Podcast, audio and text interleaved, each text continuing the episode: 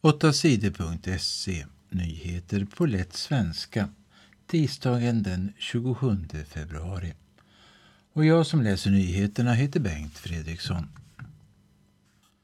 Sverige Ja till Sverige i Nato. Sverige blir medlem i Nato. På måndagen sa Ungern ja.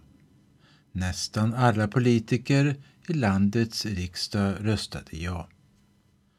Nu har alla länder i Nato sagt ja till Sverige. Det betyder att Sverige kan bli medlem i Nato.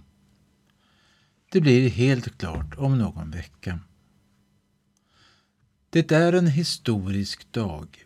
Vi är beredda att hjälpa till att försvara länderna i Nato, säger statsminister Ulf Kristersson. Det har gått nästan två år sedan Sverige ansökte om att bli medlem. I Nato samarbetar militärer från 31 olika länder. Länderna har lovat att hjälpa varandra om det blir krig.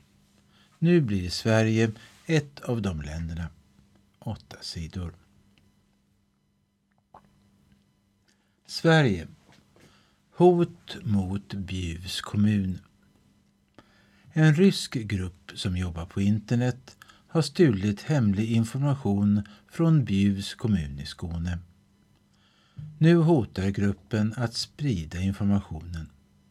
De tänker sprida den på den del av internet som kallas för Darknet. Det skriver tidningen Dagens Nyheter, DN.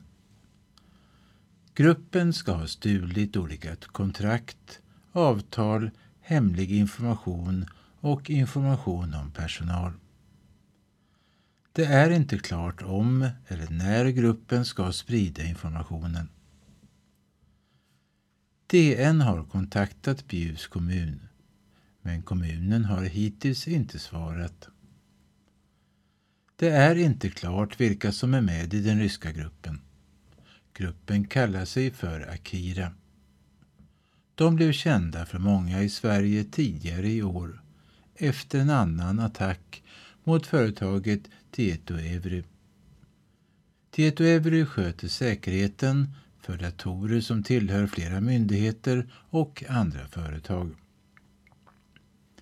Efter attacken blev det stora problem för myndigheterna och företagen. Deras system för datorer fungerade inte normalt. Attacken mot Bjuvs kommun ska ha hänt ungefär samtidigt. Men den ska inte ha med Tieto att göra, säger DN. Grupper som gör sådana här attacker kallas för hackare. De gör ofta attackerna för att få företagen att betala pengar till dem. Det är inte klart om gruppen vill ha pengar av Bjuvs kommun. 8 sidor TT. Världen. Trump klagar på dom. Nyligen blev Donald Trump straffad av en domstol i USA. Han blev straffad för att ha fuskat med sitt företag i området New York.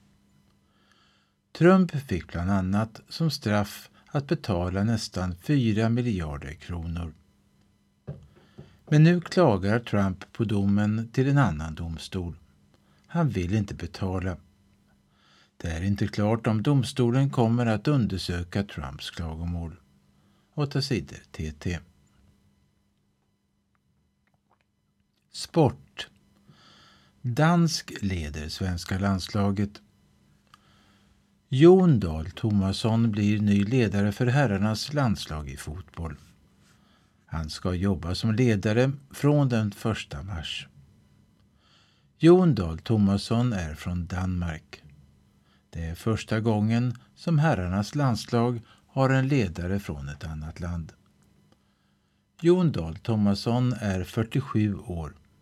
Han har spelat fotboll i det danska landslaget. Han har varit proffs i flera länder. Han har också jobbat som tränare.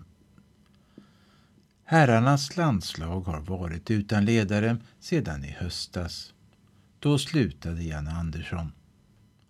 Det har varit svårt att hitta någon som ville ha jobbet. Det har gått dåligt för herrarnas landslag. De har missat att få spela i två stora mästerskap. Nu ska Jon Dahl Tomasson jobba som ledare fram till VM år 2026. Om Sverige får spela i det mästerskapet får han fortsätta längre om han vill. Snart ska den nya ledaren välja spelare till sitt första lag. Den 21 mars, mars ska Sverige spela match mot Portugal. 8 sidor TT. Kultur McCartney har hittat basen. Paul McCartney spelade i bandet Beatles. Han spelade bas. När Beatles var klara med sin sista skiva försvann hans bas.